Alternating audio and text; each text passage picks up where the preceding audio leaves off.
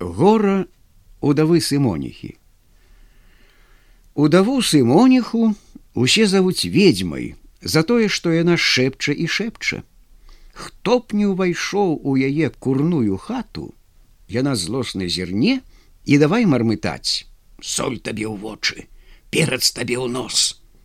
Гэтак тры разы, а мой шэсць, А кажа яна гэтак, бо баіцца урокаў, хаця на яе ніхто надта не ўглядаецца.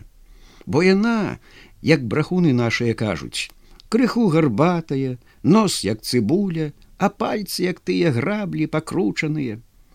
У хаце гэтаксама багацце не вельмі вялікае. Эт, стаіць аблезлы куфар, крывабокі стол, чорны тапчан, ды яшчэ шматцё якое.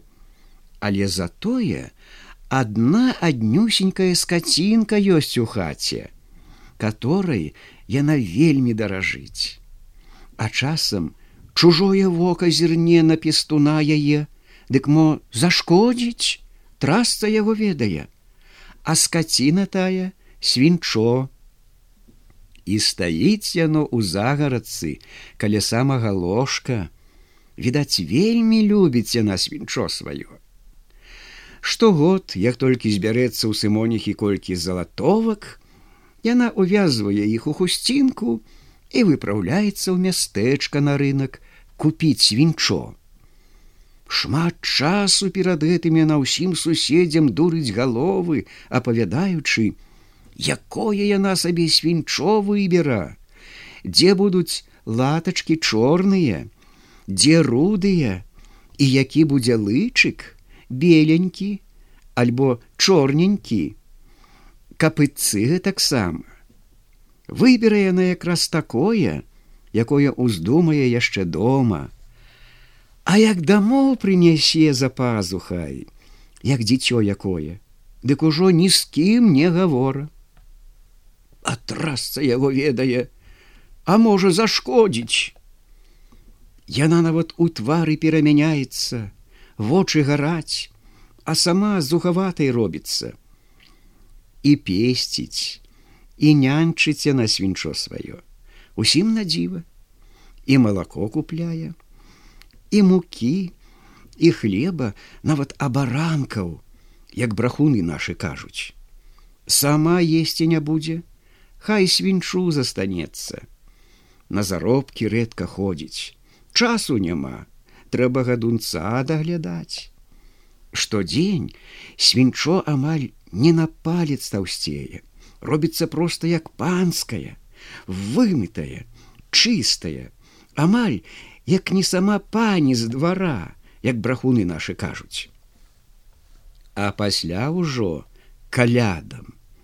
Як скрабе, як чысціць на гародзе сымоніха свінчо сваё, Дык яна толькі і цешыцца і думае, што бадай шынкар мэндаль гэты кручаны рамень і то не злічыў бы колькі яна разоў за ўвесь час выгаварыла соль табе ў вочы перад табе ў нос. Але сёлета і цяпер у грудзях калоціцца, як успомню, Сёлета сымоніха выкарміла гэткага лоўкага парсюка, што ўсім на дзіва. Яна яшчэ і цяпер кажа, што першы раз на яе вяку бадай удаўся такі. Але на тое ліха увайшоў нейкі чужы чалавек.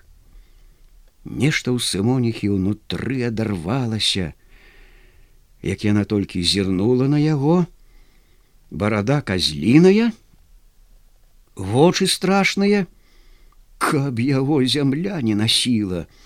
Лайдачугу гэтакага. Яна яму соль табе ў вочы перац у нос амаль не двадцать ці тридцать разоў пераказала. А ён давай углядацца на парщука як воўк які парсюк толькі хірк хірк і змок выйшаў чалавек і ў гэту самую хвіліну парсюк есці перастаў. Сымоніха паклікала знахара. Ён шаптаў, шаптаў, курыў курыў даваў зелля ўсякага стараўся такі праўду сказаць а парсюк уначы хірк хірк і даўся плакала енчыла сымоніха як па нябожчыку па сымону як кажуць брахуны нашыя гэтак не плакала. Але што ж пропала затое колькі лаянкі пасыпалася на таго чалавека. Ай-яй-яй страх успомніць. Хаця пасля як яна разрэзала дзеля цікавасці парсюка ды знайшла вялікі цвік у вантробах то успомніла што сама бачыла гэты цвік на прыпечку і мусіць сама неяк у гаршчоку кінула але ўсё ж вінават той чалавек, каб яго зямля не насіла гэткага лайдачугу. Ён як зірнуў дык. Але нашто калантырыць доўга. За адзін дзень пастарэла сымоніха на 10 год. Страх на яе глядзець. Да гары нагамі ўсё жыццё яе перавярнулася. Прайшло ўжо больш паўгода, свінча сымоніха не купляе. Дзе ёй? Яна збіраецца ўжо Богу душу аддаць, надта слабая стала.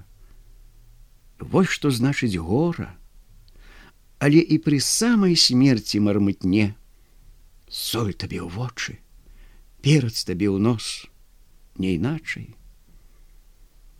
Вільня 1912 год.